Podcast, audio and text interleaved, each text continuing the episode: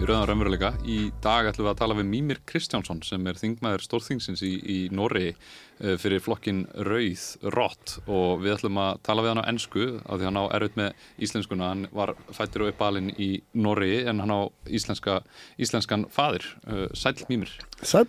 Thank you for coming very much. Yeah, very nice to be invited. So uh, ROT, it's a party, maybe a, a fraternity party of, of us here in the Socialist Party. Uh, is it an old party? Uh, it, it, matters in what way, in what way. But the party was founded in 2007, but it was based on several smaller, different groups which go back into the 70s. So it, uh, but it was a, uh, all these groups had tried to have a breakthrough for I don't know uh, 35 years and no success. And then at some point uh, they managed to uh, merge, and then uh, the beginning of the the Red Party or Rødt started. Mm -hmm. So it's it's not an old party in itself, but it has roots from from the the 70s movement. Socialists and leftists and, and labor unionists coming together. Yeah, uh, different types, and this old uh, Maoist party in Norway, which mm -hmm. is called AKP, uh, Labor's uh, uh, Labor Communist Party of Norway, uh, and uh, and yeah, so these parties they they merged together, and then a new generation of people came in. This was also what happened with the merger. That a few years afterwards, a lot of the old uh, people that have been arguing about a lot of different stuff for a lot, uh, lot of time. Uh, they uh, took a step back or stopped arguing about all these things, and a new generation of people came in, and and the party could start building uh, from more or less from scratch. Mm. People felt that it was time to unite, to you know, yeah, focus together the energy. Yeah, and to make, I think also that there was a feeling that uh, you wanted to uh, make a, a, real contribution to the class struggle, and, mm-hmm. and uh, there had been so many years of, of uh, uh, all these losses. Uh, we had this whole neoliberal period, and, and everything that sort of didn't work out. And there was a very big need, and then came the financial crisis and, and everything. So there was a very big need for for a radical sort of force. So it took some time. But in uh, in 2017, uh, Rødt came into Stortinget with one person. So it's a bit different in Iceland. You can come in with uh, only one or two if you, you don't have to have 5% to be in. Mm -hmm. And then at the last uh, election, we we crossed this uh, border, which in uh, uh, in in Norway it's four percent. So we have four point eight percent, and then we have eight people in in Stortinget and which means we are uh, a small uh, a small party, but not a mini party. So we have four parties who are smaller than us, and maybe five parties who are bigger than us. So yeah. So you're like sitting in the middle. Basically. Yeah, yeah, yeah. And what have been like some chief issues of of Rødt that it has focused on? What sort of became very quickly the sort of main idea was to sort of put everything into this uh, combating social inequality and economic inequality. So we call it Forskjells-Norge, the Norway of inequalities. Uh, and and the idea was to try to put every single political area to sort of think about it in this way. So if you're talking about climate issues, it would be important that all the climate policies of the Red Party had to be socially just. Uh, you couldn't support uh, taxes that were maybe good for the climate but bad for uh, people with low incomes. You had to find other ways to do it. So we're working always with this and always sort of very, very trying to be very harsh with ourselves in making this priority to always talk about the growing differences between the rich and the poor, uh, how the working class was losing and the, the owners were winning, and, and this is sort of the main focus in everything uh, we've been working with, I think, since 2011, once sort of this strategy was uh, made, and this is, uh, yeah, paid off in the end. And it it's probably like this in every left uh, party in the world, but I was I've I've been to I was in something called Red Youth in 2005 six, and it was like if you were like uh, trying to vote for the five most important issues, you would end up with ten because nobody Mm. managed to make a decision. Everything was important, and what about this, and what about that, and what about that, and then you finally manage to break this sort of circle and say this is our main priority. We are here to do the class struggle, and we. It's not like we don't have other political opinions, but this is always the first priority in in all our, yeah, in all Mm. in all our messaging and everything. hmm For the, uh, advancing the cause of the working class Yeah. to improve its lot and uh, its power, its power towards uh, the the owning class and and more in generally through through democracy. Yeah, and this is also we've had some numbers on this from the election in 27, uh, 2021 when we had the breakthrough. And what was really nice to see was that the Red Party suddenly it's been the typical old uh, Red Party voter was a student or a academic person living in the center of a big city. but the new voters coming uh, in the 2021 election were people on social welfare, uh, a lot of single uh, parents, Mm. uh, a lot of uh, people with low paid jobs. So, not like maybe the classical industrial worker, I think they still vote for the old Labour Party. A lot of some of them vote for, and we have some union support and stuff like that. But maybe these uh, more lower uh, paid parts of the working class, people in the working class who have the most problems paying their bills, I think, have started to vote for for the Red Party. Mhm. And has there like probably like here? Uh, I, I'm not very informed uh, with the situation in Norway, so so it's good you are here. Uh, have there, you know, economic conditions been worsening these last decades? Yeah, uh, or not the last decades. In Norway, this because Norway has the oil industry, so Norway has been inequality has been growing since 1989, and there has been some small growing poverty, and there has been right wing politics, some privatization, but because of the oil uh, money, Norway has been so rich, so. Um, a lot of the problems like austerity and stuff like that hasn't been uh, that big an issue in Norway. But now these last few years, with the rise of prices uh, on everything, especially in Norway on electricity and power, has made a, a much bigger problem for a lot of uh, people. Mhm. So now these last two years, maybe, has been a big, uh, more like a growing social crisis. Mhm. So yes, we had the same in Norway as in every other country with uh, with right wing politics since the end of the 80s, but the oil money has sort of uh, softened that for a lot of people for a long time. Mm. Interesting. Is the the oil industry in Norway is it fully nationalized or is it? It was fully nationalized, uh, but and it's partly privatized, but it's almost very, it's still very national. yeah. So the biggest company on the on uh, doing oil in Norway, by far the biggest, which I think is the biggest company of any kind in all of Scandinavia, is uh, it's uh, owned, uh, I think, 80% by the state, and at the same time, the state has to own directly a part of every oil field, whatever company does it. And on top of that, they have to pay 83% taxes on the oil. Hmm. Oh. So there's a lot of money into this system, and still they get filthy rich, the private people Yeah. working in it. So there is, it's still very, very profitable. It's hmm. not very difficult to find an American company wanting to do oil business in Norway. So it hmm. says a lot about uh, the way oil has, yeah. It's in- interesting.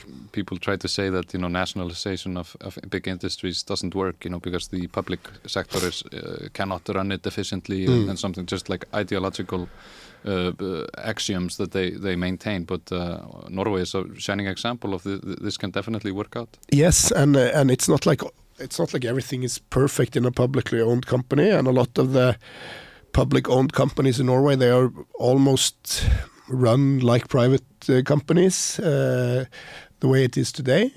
But there is at least no reason to say that they're not efficient or that they don't make money. Uh, and I think, uh, if I'm right, I think the four largest companies on the Norwegian Stock Exchange have the state as the majority owner.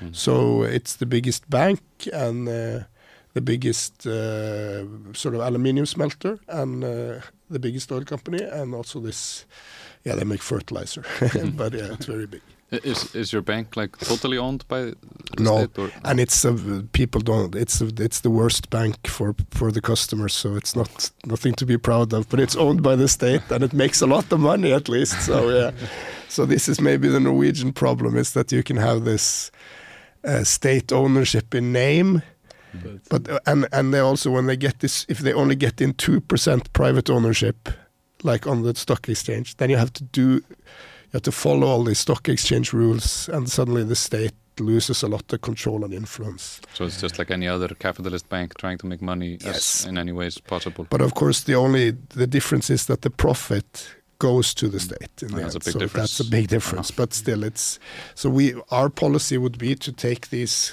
We have proposed because Norway has a big uh, sovereign wealth fund, oil fund, which is I think what's what I can't even say that number, and it's sixteen thousand billion Norwegian kroners. So Mm. it's impossible to say in Icelandic because there's so many zeros. But yeah.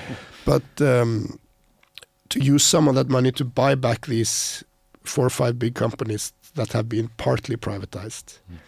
and take them into uh, to total public control. Mhm. Uh, so you can use them for something, like you can use them for industrial development or for uh, social banking, or or something like that. Mhm. Uh, instead of having this, uh, you own a company but you can't run it, which is sort of the problem. Mhm. But Norwegian history is a shining example that because the state did run these companies before and they went very well before as well.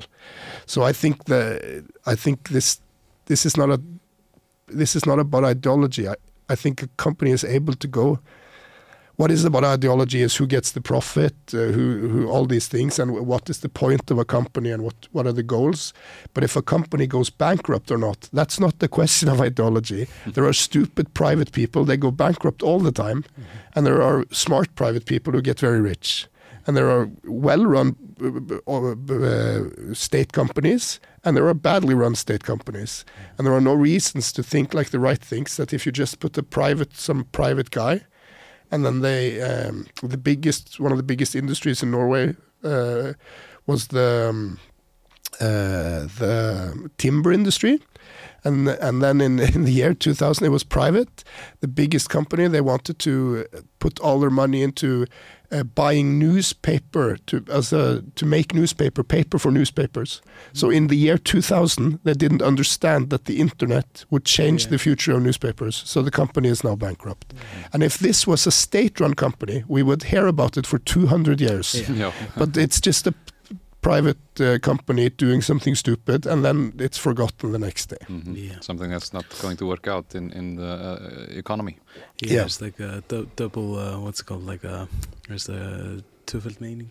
Like Double a- meaning. Yeah, Yeah. there's like a double meaning to it. There's like a if it if it is a state-run company that fails, it's the because it was a state-run Yeah. company. But if it's a private company that fails, it's because of the person who did it. It's like individualistic. Yeah. Mhm.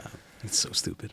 Can you tell us something about the like social uh, class situation in Norway? Uh, have the labor unions been very active, uh, or have they? Did they, uh, similar to here, did they become like bureaucratized and and kind of uh, away from the grassroots? Yeah, I think that Norway has very Norway together with Sweden and Denmark have very strong labor unions and Norway has traditionally had has more political unions than Sweden and Denmark. It's because in Sweden and Denmark to have insurance if you lose your work, you have to be a union member.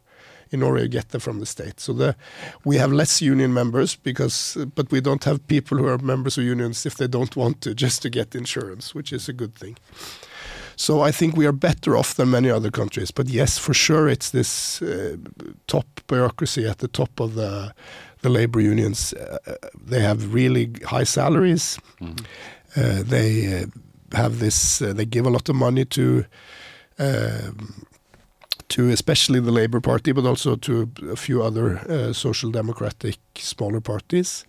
Some of them give a bit money to to Rødt as well uh, every election for like election campaigning, and they're sort of they have been supporting uh, some neoliberal cuts as well in the past, but I think they are being more radicalized now. Uh, but you haven't had because in Iceland you had this conflict in big conflict inside of the labor union, Mhm. and you haven't had this you have the, you have a left wing in the labor union and uh, and a right wing, but you haven't had this big giant conflict like you had in in Iceland that way.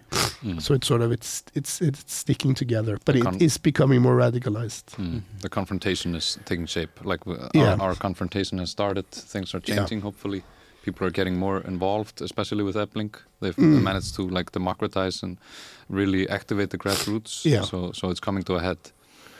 And in Norway also, I would say that uh, the Labour Party, which is now very small uh, compared to historically, it is only like 20% in the polls. You could go only, I don't know, 15 years back, they had 35%. And if you go back to the 50s, they had 50%, sort of. Uh, and they are still, of course, the dominant party by far in all the labor unions. And to be a leader in a labor union, you almost have to have a membership card in the Labour Party in Norway. But the second most important party in the labor unions, I would say, is the Red Party. Because even though there are party other parties not bigger than us on the left, like the Socialist Left Party, they haven't been as concerned working with this. Uh, they haven't had this working class focus as much as we had. So th- we are sort of the biggest um, uh, challenger uh, inside, and in the uh, the private workers' union, especially the industries, then uh, the radical wing this year, no, last year, won a very big uh, victory on the Congress, uh, saying no to a lot of the more uh, neoliberal and pro. European um, electricity politics, Mm. which has been very important for the government led by the Labour Party, and the, the, their prime minister was there, and he was like making a very passionate speech. And normally it's like that when the leader from the Labour Party comes to a union and holds the speech, then everyone applauds afterwards and it's finished. But this time it just didn't work. People were just angry and, and furious, and then they lost uh, lost sort of the discussion about that. So Mm. there is a lot of change in in these things. Because uh, that what happened in Norway, right, is that uh, the energy prices just went uh, very, very high when when the Uk- Ukraine war uh, invasion of Russia started in Ukraine. Yes. The prices went up because you have like this integrated market that uh, follows market prices, right?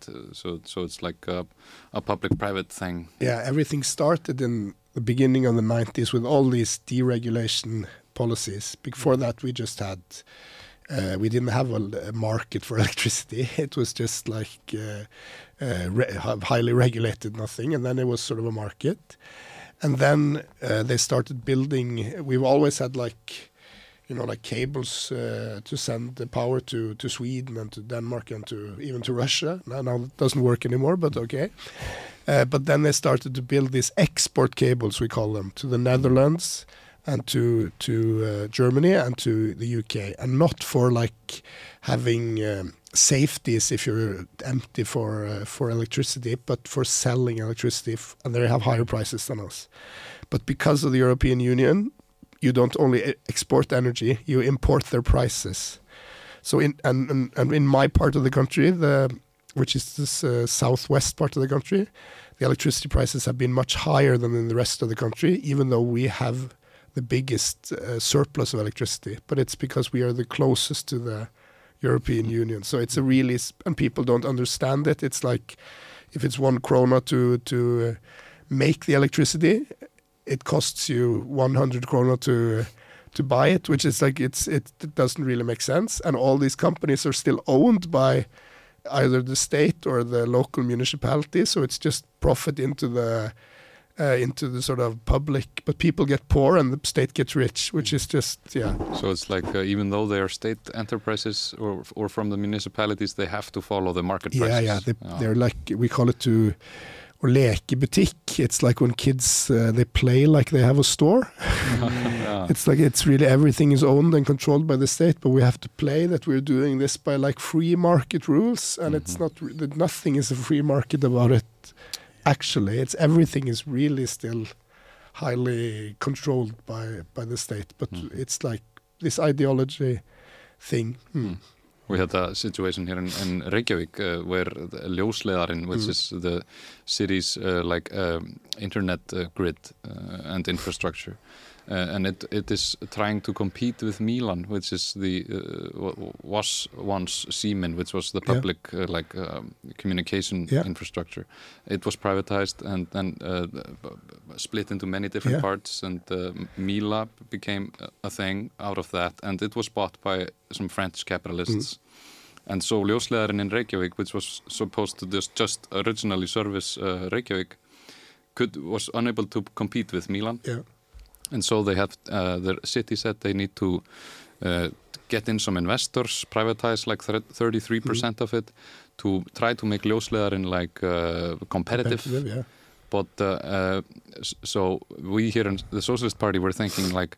Uh, this is supposed to be a non-profit, like public infrastructure, Yes. but uh, because of some European regulations we have to follow because of Yeah. our uh, uh, membership in, in EFTA, Yeah. uh, we cannot do that. We, we cannot uh, stop market competition. You Yeah. know, And this is exactly the same, and it, it's very strange because um, most people would agree that uh, water or roads are public infrastructure, and why isn't electricity or like uh, fiber cables? It's very there's no really good explanation for it. So so and I think ex- this is exactly sort of the the why are these at all commodities to be sold at a market?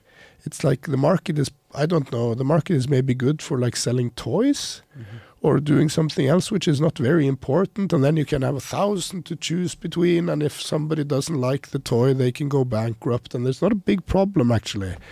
But you can't sort of put people li- people's lives in the hands or like being able to eat or being able to uh, and and this is also a crazy thing about uh, electricity. It's not like you choose between different type it's not like i have a preference for this type of electricity. it's No, really all it's just the same thing. electricity in your wall it's not like so it's it's but they make all these like fake markets because they want to put everything into this uh, and this is also what they're trying to do in the welfare which has also been a big issue in Norway they're trying to the state pays but Mhm. private people run it Yeah. so it's like, and and this it's so crazy. It's we don't do this not for schools and not for hospitals, but we and not an, anymore almost for uh, care for the elderly, but it's a lot of it in kindergartens. Mhm. So you have like big companies running kindergartens, and they're paid just out of the taxpayer, Mm. and they take profit, and they yeah, and they do kindergartens and it's so crazy. And these people, one, some of the richest people in Norway, they've been rich by uh, by by d- sort of exploiting the system. And two of them recently moved to Switzerland because they don't want to pay taxes in Norway anymore, and they're claiming to be job creators. Mm. And it's like they're it's you're uh, every single krona you made is a tax krona. Yeah. It's, There's nothing else to it. It's there's you haven't done anything genius or smart or it's just totally exploitation of Yeah. uh, the Scamming the public. yeah, system. scamming. Yeah, Scamming the public funds, uh, we call it in Icelandic being á- að vera á ríkisspenanum. Yeah. Yeah. yeah. Uh, one thing uh, that you mentioned, like uh, with uh, with just infrastructure in general, and uh, and uh, where the market applies, it's always been my uh, philosophy that that the market applies, uh, or maybe should apply, or, or could apply, to ex- exactly like uh, commodities that are not necessary for for the the basic survival, I guess. Uh, so everything that that falls under like the what's it called, like Maslow's pyramid of Hmm. needs, like uh, water, uh, housing, uh, healthcare, and uh, like sustenance and stuff like that. That should all be like infrastructure that Mm. that is definitely both sponsored and run by the state rather than uh, the, than private individuals and then we can start thinking about like the market Yeah, thinking yeah, yeah. about like privatization and uh, and like uh, the the private sector but as soon as like uh, or as long as the, the the base needs of every single person in in a, in a certain population aren't being met like the the market has nothing like uh, it would will not make things better Mm. in a sense To take this electricity example again, it's this. They say we need the market because uh, if we don't have the market, people won't have an incentive to save power. uh, they won't sort of switch off the light. So if you if because if the prices are high, people will switch off the light, and then the prices will go down, and so on. And there's two problems to that. There's only one reason people use electricity in Norway, and it's because of the weather. It's not really it, it's not really controlled by the market. It's controlled by the outside temperature. Uh, and the other thing is that uh, rich people are just going to continue using as much electricity as they want. Mm. So there is no idea about scarcity in the top end. Uh, and now we have this big, I'm sure you have it as well, this uh, inflation problem Mm-hmm. with rising prices. And we have the central bank is putting up the interest rates and stuff like that. And it's really hard for people. At the same time, the luxury markets in Norway, they have never been better. They have never mm-hmm. sold more expensive cars, more expensive houses. There has never been more private jets flying to Norway. All these things. And it's because they don't care. They have enough money anyway. Mm-hmm. So they don't care. And they don't have loans. So it's not a big problem. They even possibly have money in the bank. Yeah.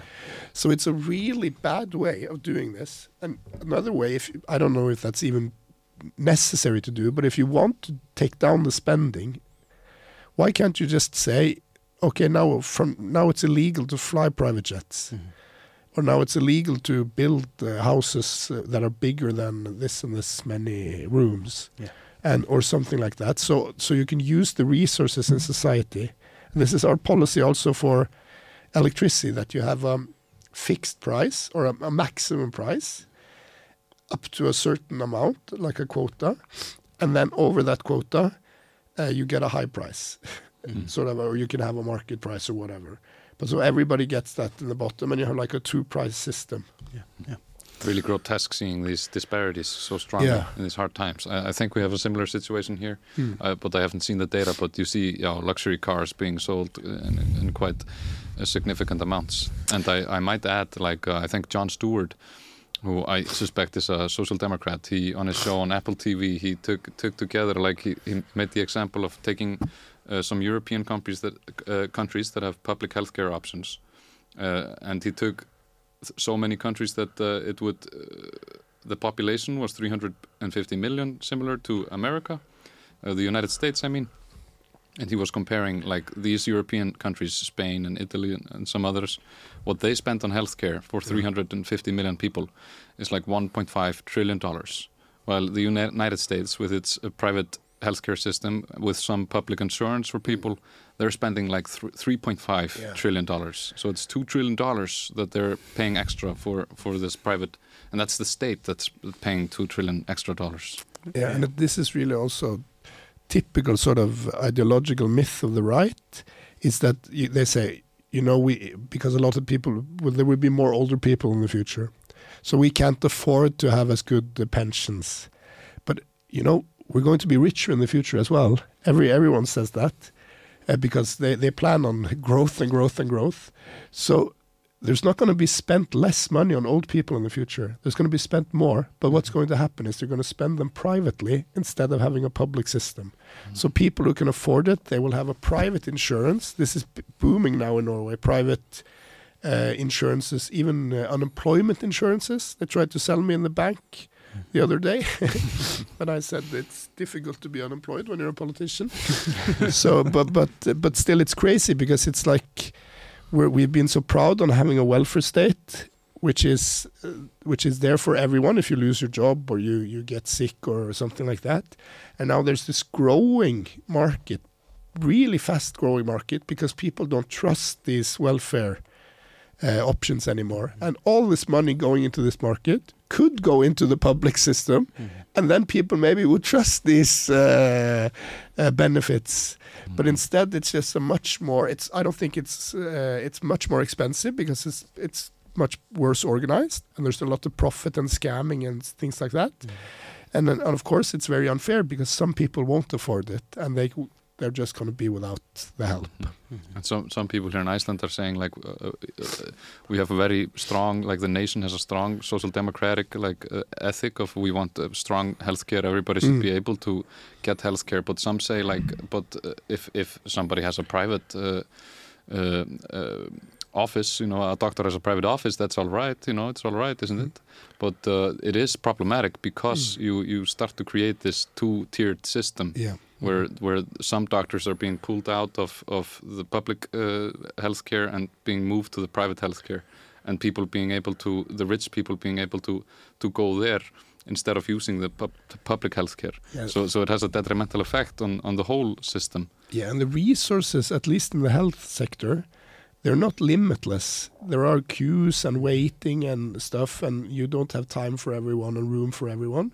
So, for every doctor or every nurse you take out of a public hospital and into a private clinic to to for a rich person to if they're a, what is called hypochonder if they they feel uh, if they feel sick every day uh, for every person you take out it's going to be longer to wait for the people staying back so it shouldn't actually be legal at all to have these uh, private and the state educates all these people all Mhm. these doctors all these nurses uses Mhm. so much money to do it and then in the end it's just okay you're finished and then you go work for the private and then yeah.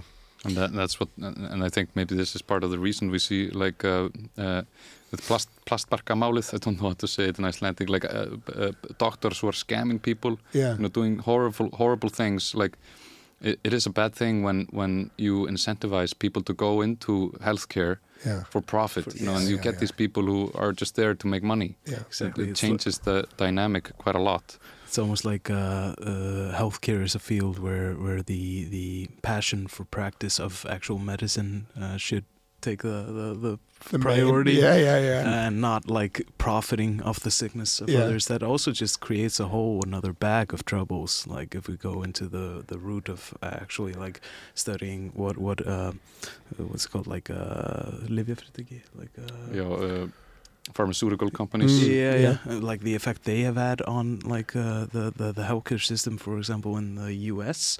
Like as soon as we we apply this uh, for-profit uh, motivation into a field sh- that should be driven purely by Hmm. the, the the ethics of of uh, you know medical sciences, uh, it, it kind of yeah opens up a whole nother. Uh, world of of of, of uh, like what's it called like clandestine and and, and uh, shady behavior corruption. in, yeah frankly. corruption Oh. Uh, exactly just in general so i think yeah But maybe it would be different if you could maybe have these private uh, uh, uh, doctors' offices, but they, they weren't allowed to pay out uh, profits. Yeah, and this is this has been this has been the Red Party's line in Norway. It's okay with private uh, institutions like private kindergartens if Mhm. they are not profit, and you have a lot of them as well, which are parents going together to make a kindergarten or like this. Uh, we have this on like Kvennafellaget or things like that. Mhm. Uh, and they have a the old hospital is maybe 100 years old or whatever and and this is okay but the profit is the problem Yeah. immediately you have the profit so uh, and this is the, the right always tries to confuse this so they use this word private because they don't want to talk about what is uh, private I- for ideal reasons and private for profit reasons Mhm. and it's Yeah. impossible to they're just always trying to confuse the debate about it Mhm.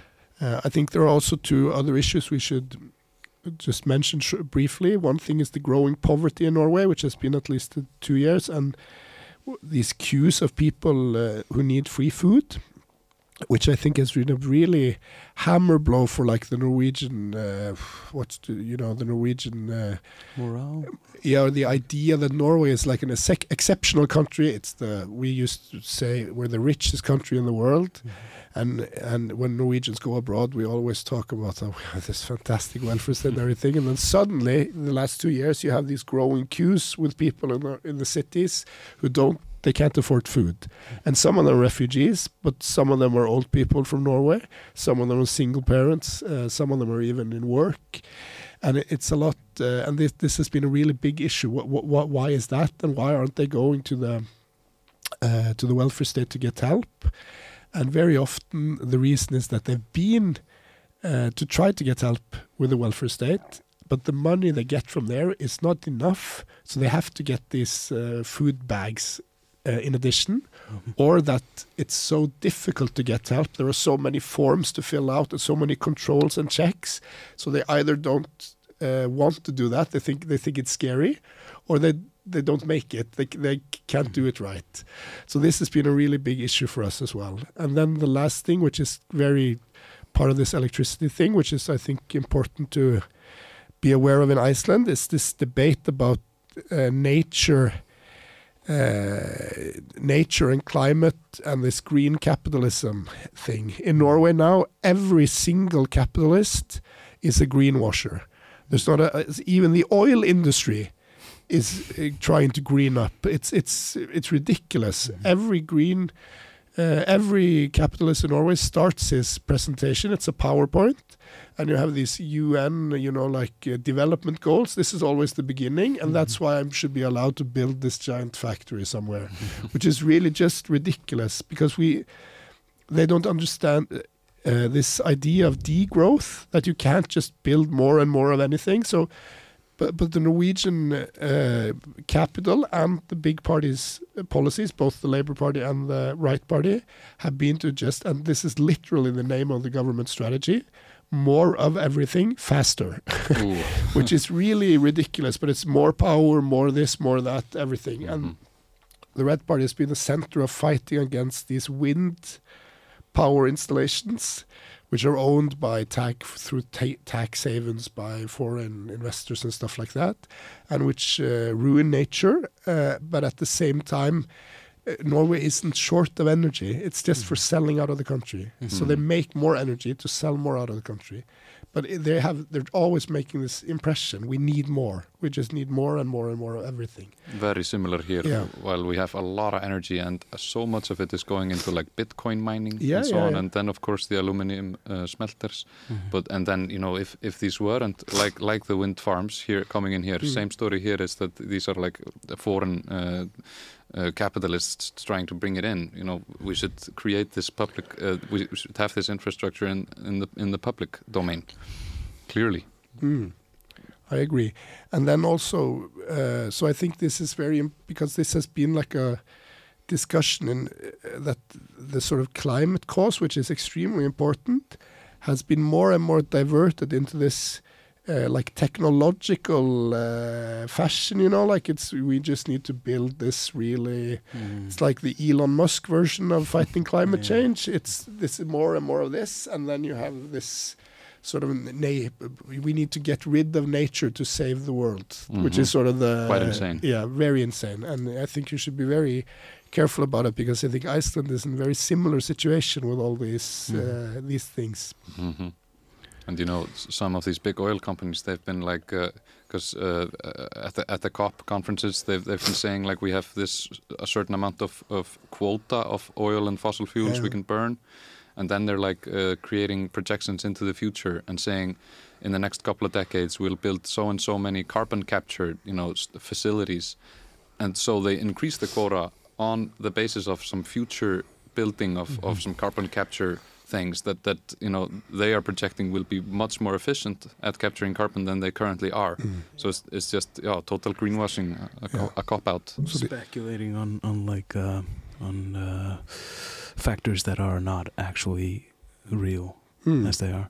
It's uh, hmm just But good that uh, every time you speak about this, uh, climate action and, and how we should uh, uh, uh, to, uh, uh, resolve these issues, uh, you have to speak about uh, social justice with it always, because uh, otherwise it won't work out. You know, if you, if you put on, uh, you will create such uh, social chaos. If you if you put the pressures on the on the middle and lower classes, they won't accept any any changes. Mm. And that's uh, this is, and this has also been very central for our strategy in that uh, question because, and this is why we're always looking for this like a, it's, it's like more symbolic, but it's like banning private jets or whatever, but it's when you go through the numbers, you know most people they don't fly almost at all, even in, even in a country like Norway, it's like. Uh, I think it's 85% fly one time a year or less or whatever yeah.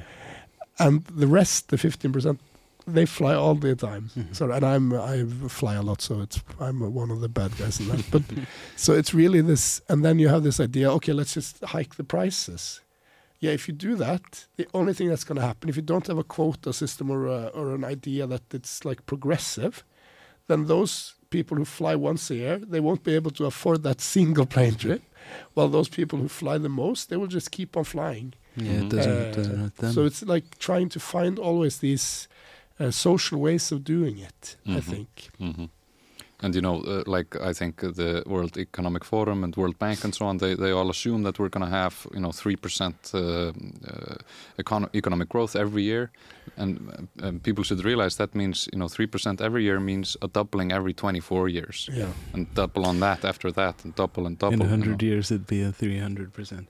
It's uh, like the the the old question of, of exponential growth Yeah. and capitalism. Just uh, the, there's no system. There's like in a in a world of finite resources, expecting uh, what comes of those resources to be exponential and infinite is. Uh, Naive at best, Hmm. uh, horribly just mm, like dishonest at worst. Well, there is a way to improve people's uh, life, especially you know for for the poorer nations of the world.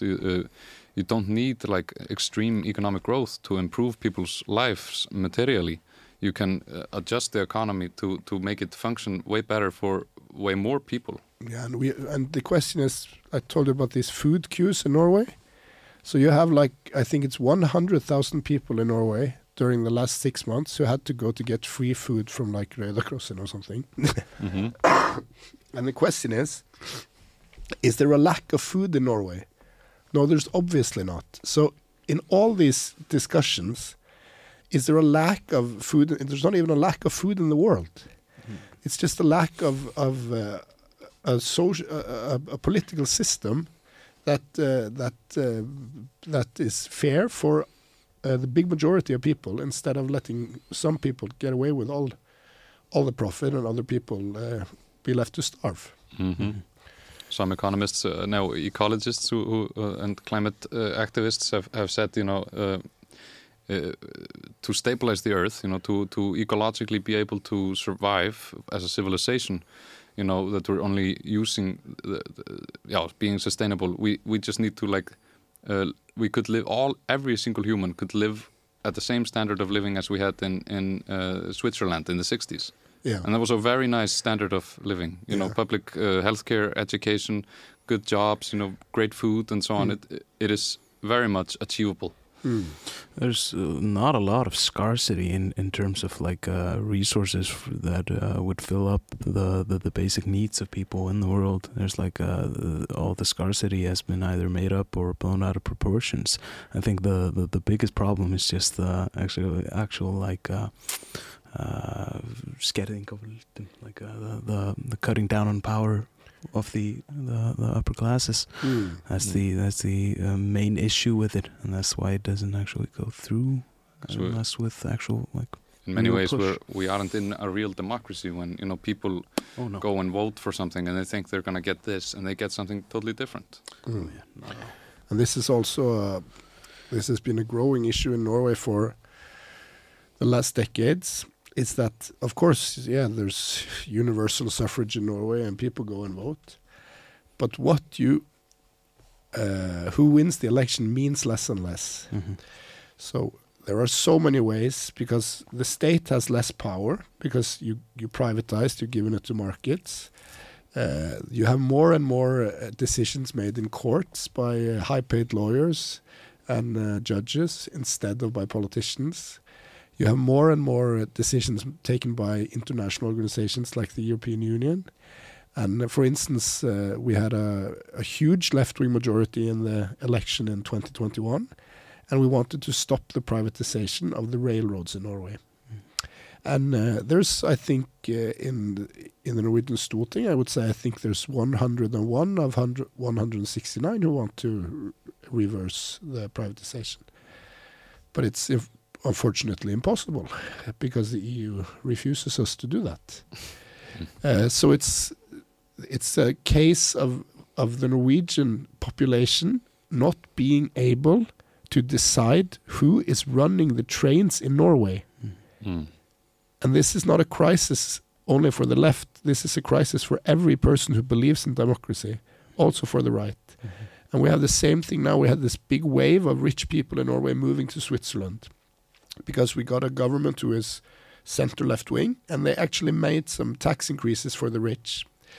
And then they started to move to Switzerland because they said we can't live in Norway; it's terrible. And uh, yeah, uh, and they moved, and then they sort of managed to sort of bully the government into promising, okay, there won't be any more tax increases because they're just going away with their money.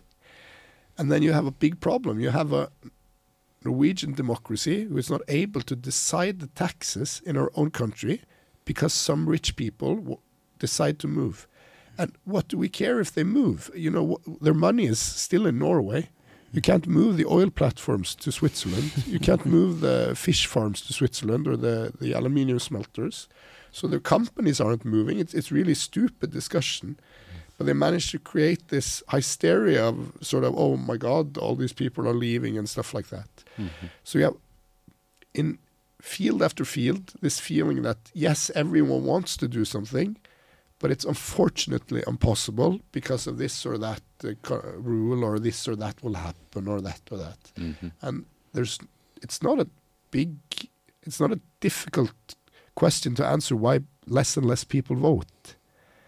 If you feel that okay, I vote for change and you get no change, then you're less likely to vote the next time. Mhm. And the problem is that the people who don't vote are the people with the lowest incomes, the people who are uh, lowest in the class system. They're the people who stop voting 1st Well, the rich always vote. Uh, so they're probably going to the embassy in Switzerland to vote next time. Uh, and the reason, so so you get this bad spiral because then you have less and less people voting, and it's more and more difficult to win the elections, and then less and less engagement, and then yeah, it's sort of.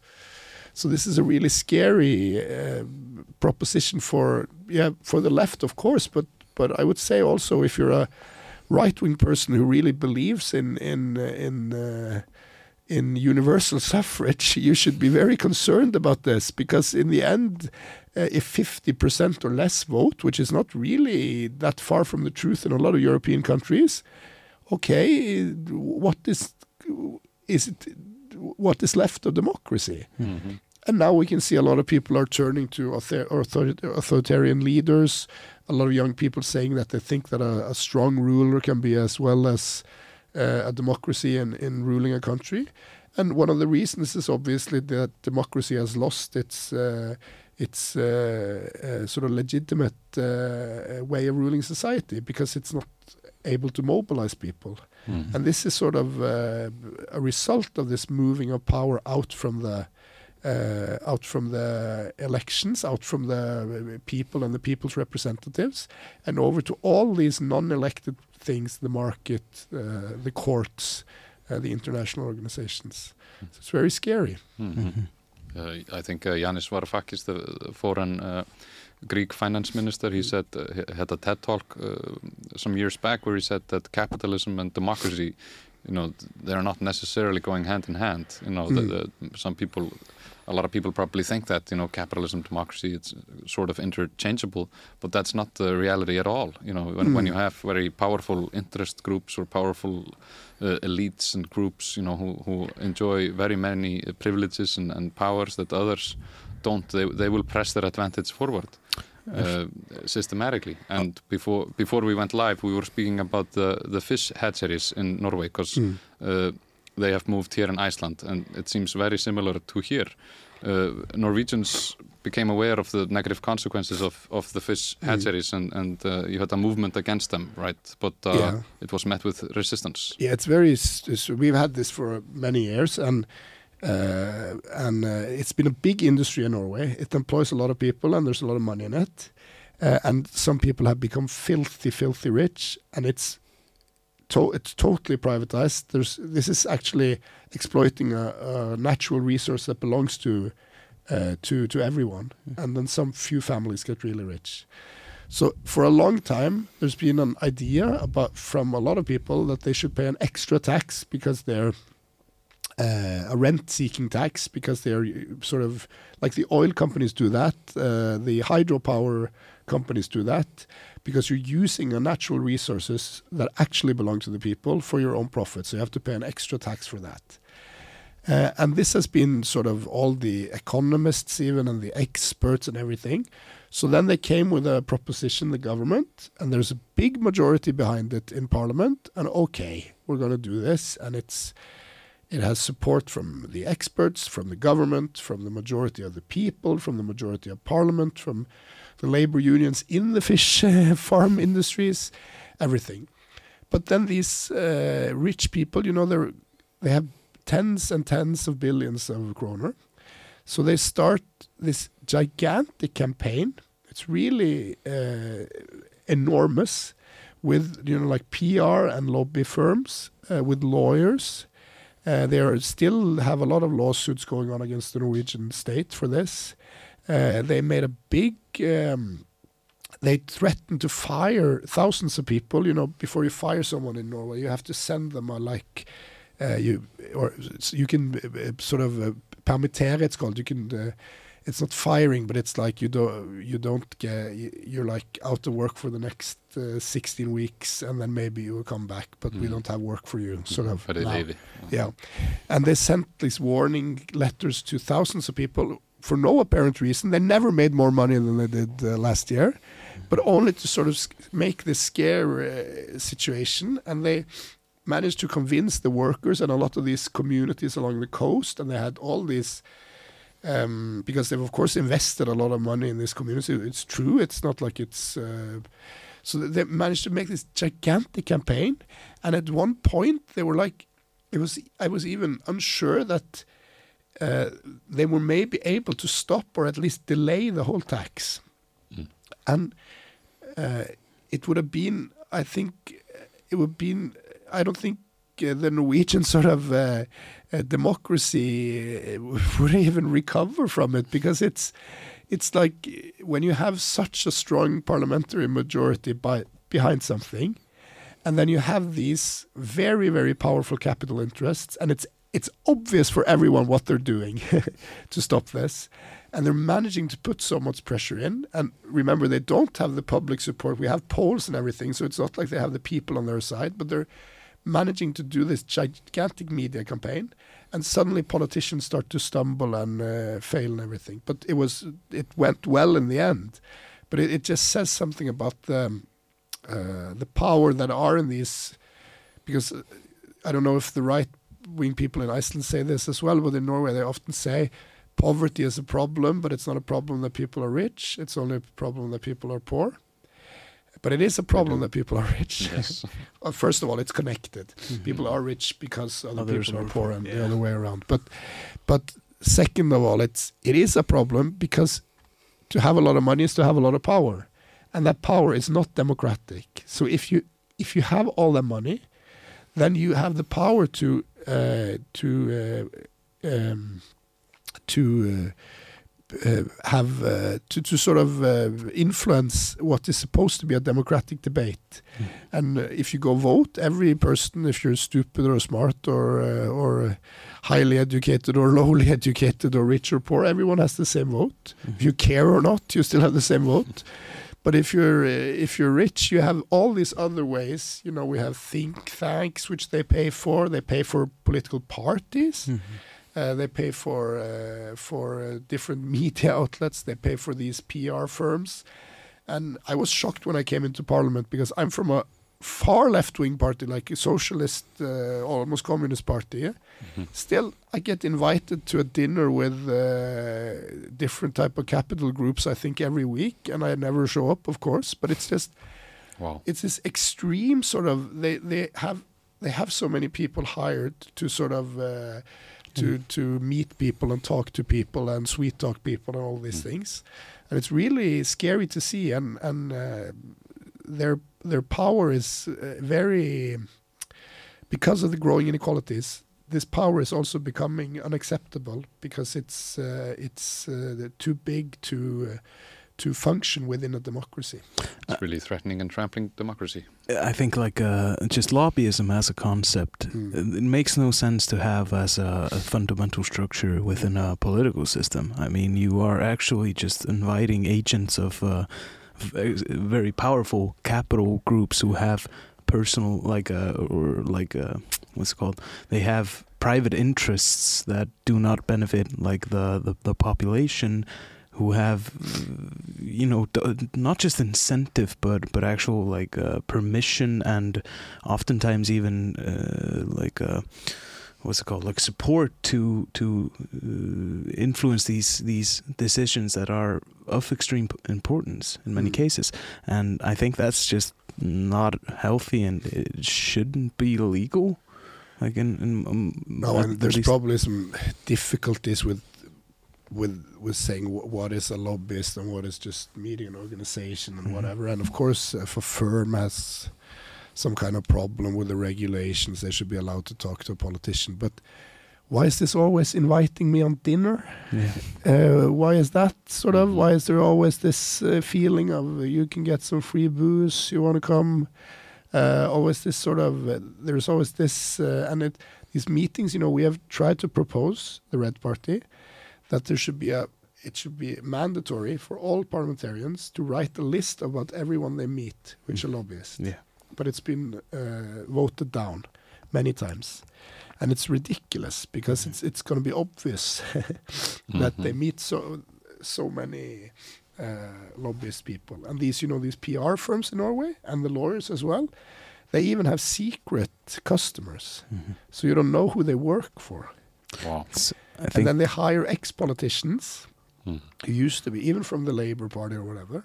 And when they're finished, they go to work for a PR firm for Yeah. some secret customer, probably in the fish farm industry, and they sell their know-how and their contacts and everything. It's really terrible, uh, sort of, uh, yeah, industry or whatever you can call it. Yeah.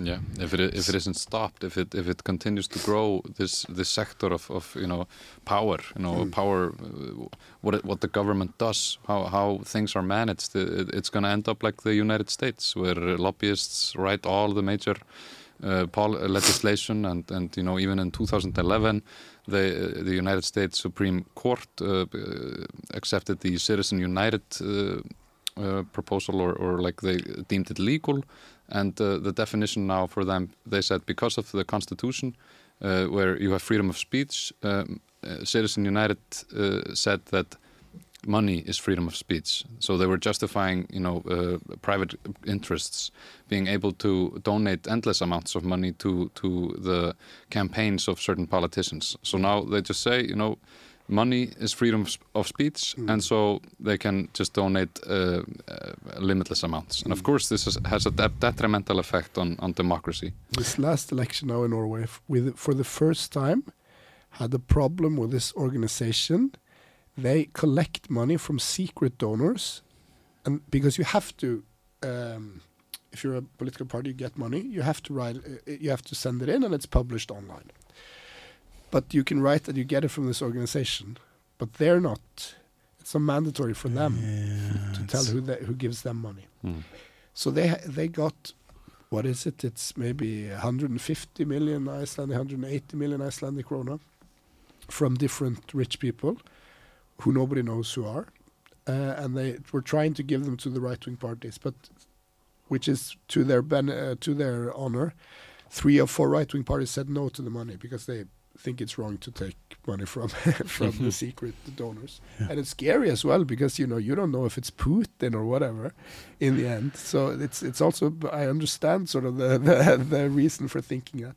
Mhm. And you know these guys who moved to Switzerland, they still give money to Norwegian political parties. still think- pr- applying pressure still yeah, trying in to get things Norwegian through politics, they Mm. moved out of the country because they don't want to pay taxes. They want to pay money to the right wing in Norway. Mm. Still want to meddle Yeah. in the in the It's really crazy. I think as soon as like uh, l- sight is lost lost of uh, transparency in in regards to what actual interests every party uh, is standing for, I think that's a very dangerous road, and I think that's also like uh, to an extent happening here uh, with. Uh, with like uh, what's it called like members of parliament here uh, had to have like a list of every uh, asset they have and every Mm. every company uh, like ownership and and and uh, things along those lines and uh, like the the utanumhald like uh, Yep. the the í, hvað, þú veist, utanumhald hvað er það? Mm, management do you mean or, or yeah, yeah, like uh, Yeah. uh, like uh, the, the the management of it and the the the like watching it Mm. is uh, extremely flawed, and uh, there there had been like cases of, of members of parliament uh, not actually uh, listing the, Mm. the, the the amount of assets, and that's what brought us the the Panama Yeah. files. And, We uh, recently had big scandals in Norway, but it's mostly because of the spouses of two politicians doing a lot of stock trading. Had Uh, very wha- similar stuff yeah. here. and uh, so now and we're working on and I think that will be uh, will be um, uh, will get a majority in parliament working on stronger stronger rules to Mm. uh, report this and everything Mhm. but also it's also a part I think an important thing to to sort of combat this is like having like a term system how many years you can be in parliament uh, at the time before you have to go out and do something else I think that it would be smart to not have uh, so high wages for politicians Mhm. because if you have very high wages for politicians and they stop being politicians, what else are they going to do? They have to start working for someone, and probably it's just human. Try to keep the same wage, Mhm. and then who who, who can pay a ex politician uh, the same wage or more? Only rich people. So it's you have this. If you're trying to go into this, it's probably a lot of things that's possible to do to sort of combat this problem. Mhm. Mhm. It's definitely a big thing that needs to be considered. Our politicians, especially, I, uh, I, you know, the mayor of of Kópavogur, which Mm. is, uh, I mean, Mm. which is a, a small, you know, p- part of Reykjavik, but but she has uh, wages that are similar to the mayor of New York. You know, Yeah. it's it's crazy high here, and it's been increasing. And, and of course, you know, uh, psychology shows us that people are more incentivized to keep what they have, in, in, but not uh, as opposed to seeking something new. Yeah. So when you give people these privileges or, or put them above the, the rest, you know, they, they will do many things to stay there. Yeah, and also you, uh, everyone knows this. I I know it myself from, you know, we have like a party tax, so we have to pay. I think it's a third of everything we make to the party or something like that, uh, or yeah, forty percent or whatever. We have the similar. Yeah, but uh, but um, you you know it's it's still not a badly paid job in any way being in parliament for the Red Party. So, but and you you can feel it in your own, by yourself. You get a little more money, yeah, you get used to a lot of things, Mm. and if you have a lot of money, you get used to a lot of strange things. So when people suddenly have problems by, with paying the the electricity bill, and you have a, a wage which is ten times their wage, you won't be able to understand what their problem is.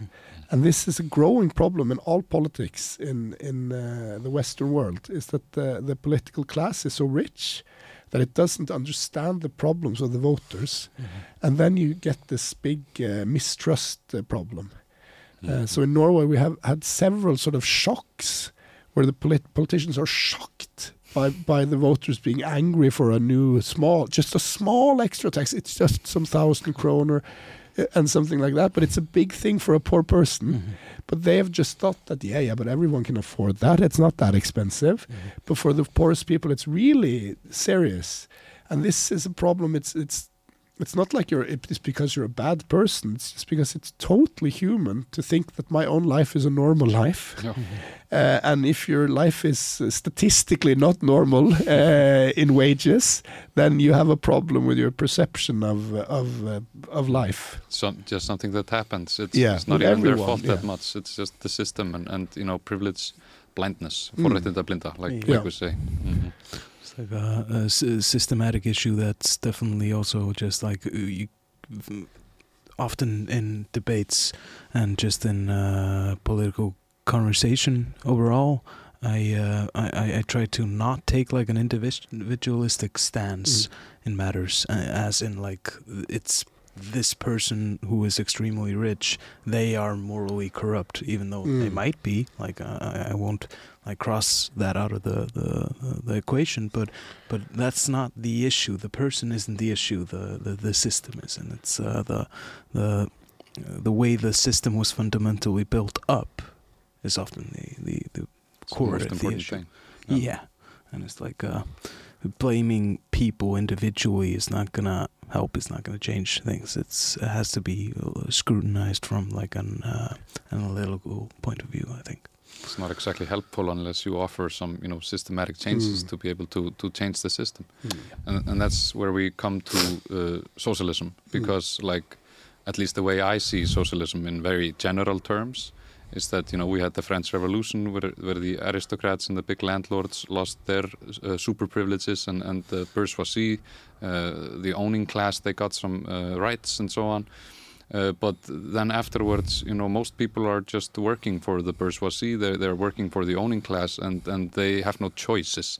They, they have to work uh, to to make a living, and so socialism uh, uh, became uh, the movement of people trying to fight for their rights. Mm. And so I see just uh, socialism as the realization of you know, or completing the French Revolution in the sense that we are democratizing uh, politics and we are democratizing the economy. Mm. I agree on that. Uh, I think also it's uh, uh, the French Revolution is uh, yeah it's the start of the whole concept of the left, uh, as you know, and and I also think that um, it's uh, about sort of uh, completing this because the democ- the idea of democracy in the vote is extremely important. It, it's uh, probably the most important uh, win the working class has ever scored, gaining the vote. But uh, but if you don't democratize the economy, the vote isn't. It doesn't has to mean anything. The vote is. The vote is almost more of a promise because it means that everyone. It's supposed to mean that everyone has the same power in a society, or everyone at least on election day has the same power in a society.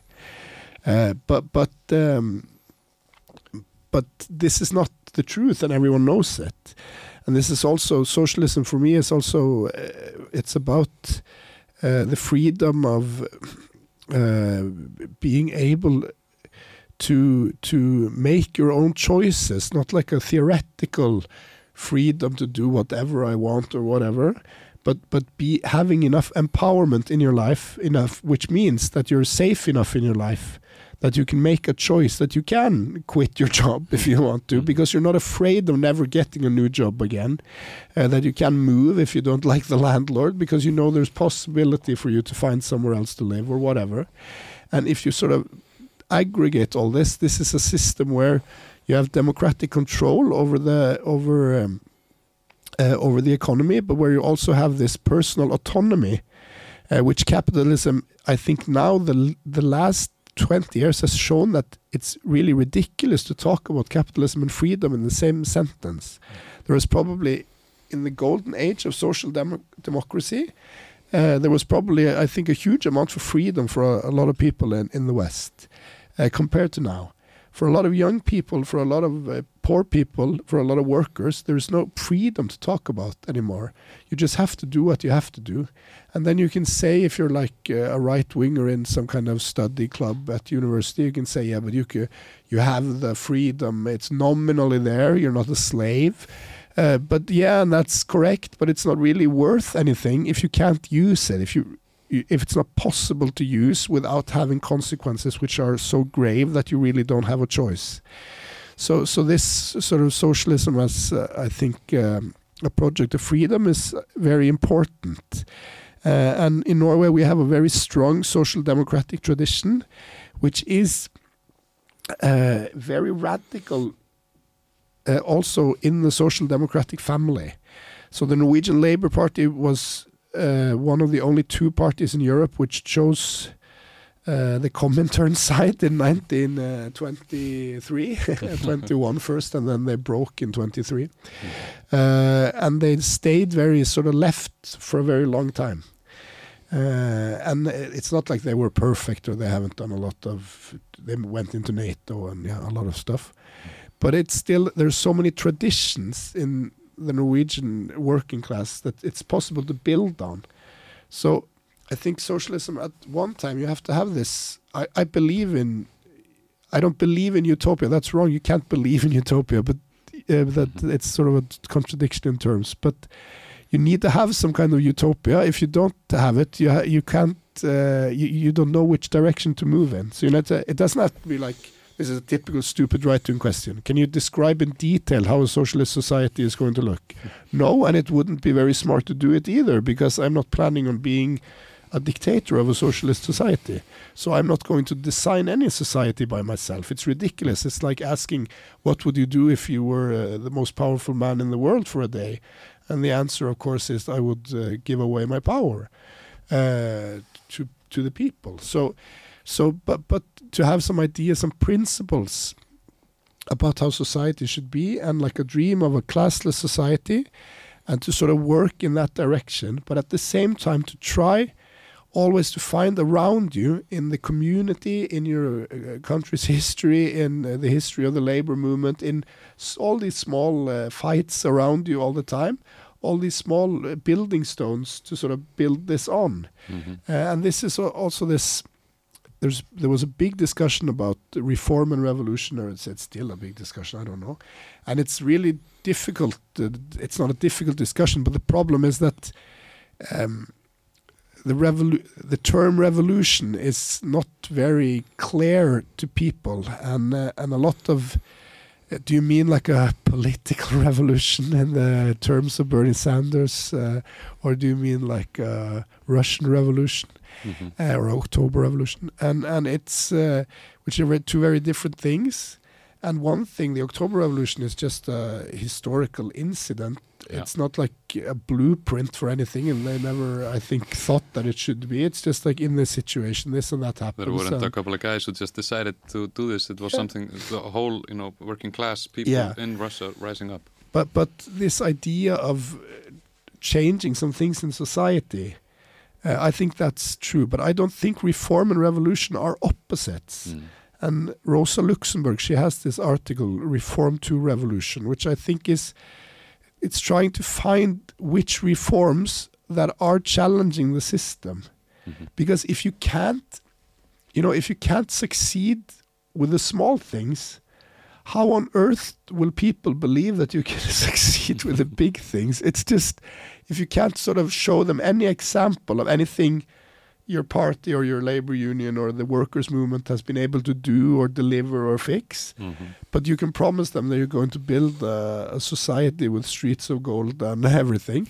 Nobody is going to believe that. So you have to have this basis to work on. But if you forget this sort of goal, then this basis will collapse. Hmm. And this is what happens to the social democratic parties.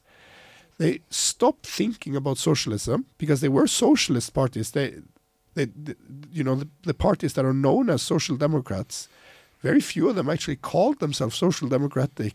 They called themselves socialist. It's a little bit different from country to country, and it's not really a meaningful divide Mhm. because uh, because uh, yeah, if- if you go way back, social democrat was very radical to be as well.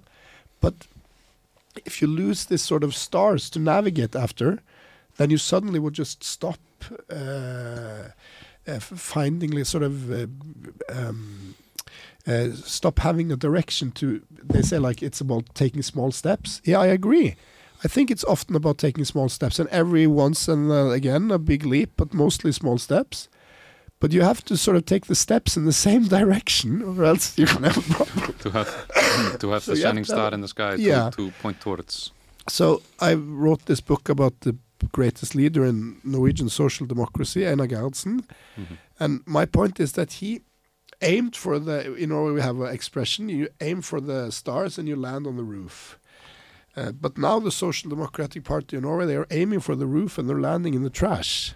No. Uh, b- because they're not like, they don't have any big ideas or visions or everything. They just want to sort of administrate things. Mhm. And what's worse, because they only want to administrate things, they're not longer able to administrate things. So it just collapses because of that. Mhm. So, so this is sort of the need for ideology is that without the ideolo- ideology, without the goals of the, the principal goals, you won't be able to do all these small things in your everyday work.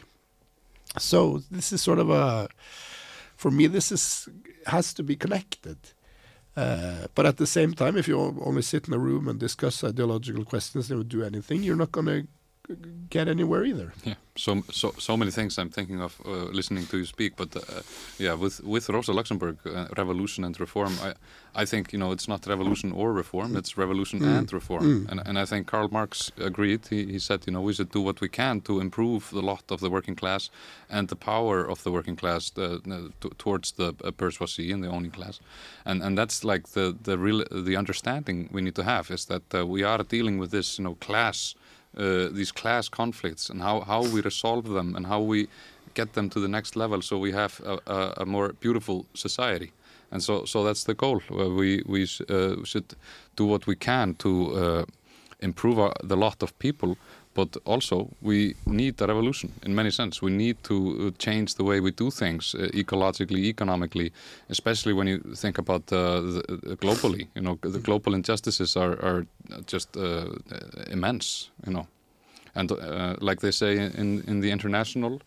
Uh, freedom is uh, merely privilege extended unless it's shared by one and all and that, and that's the the freedom the right talks about is the freedom of, of the aristocrats or the freedom of the elites that uh, does come at the expense of the working class and the majority of people.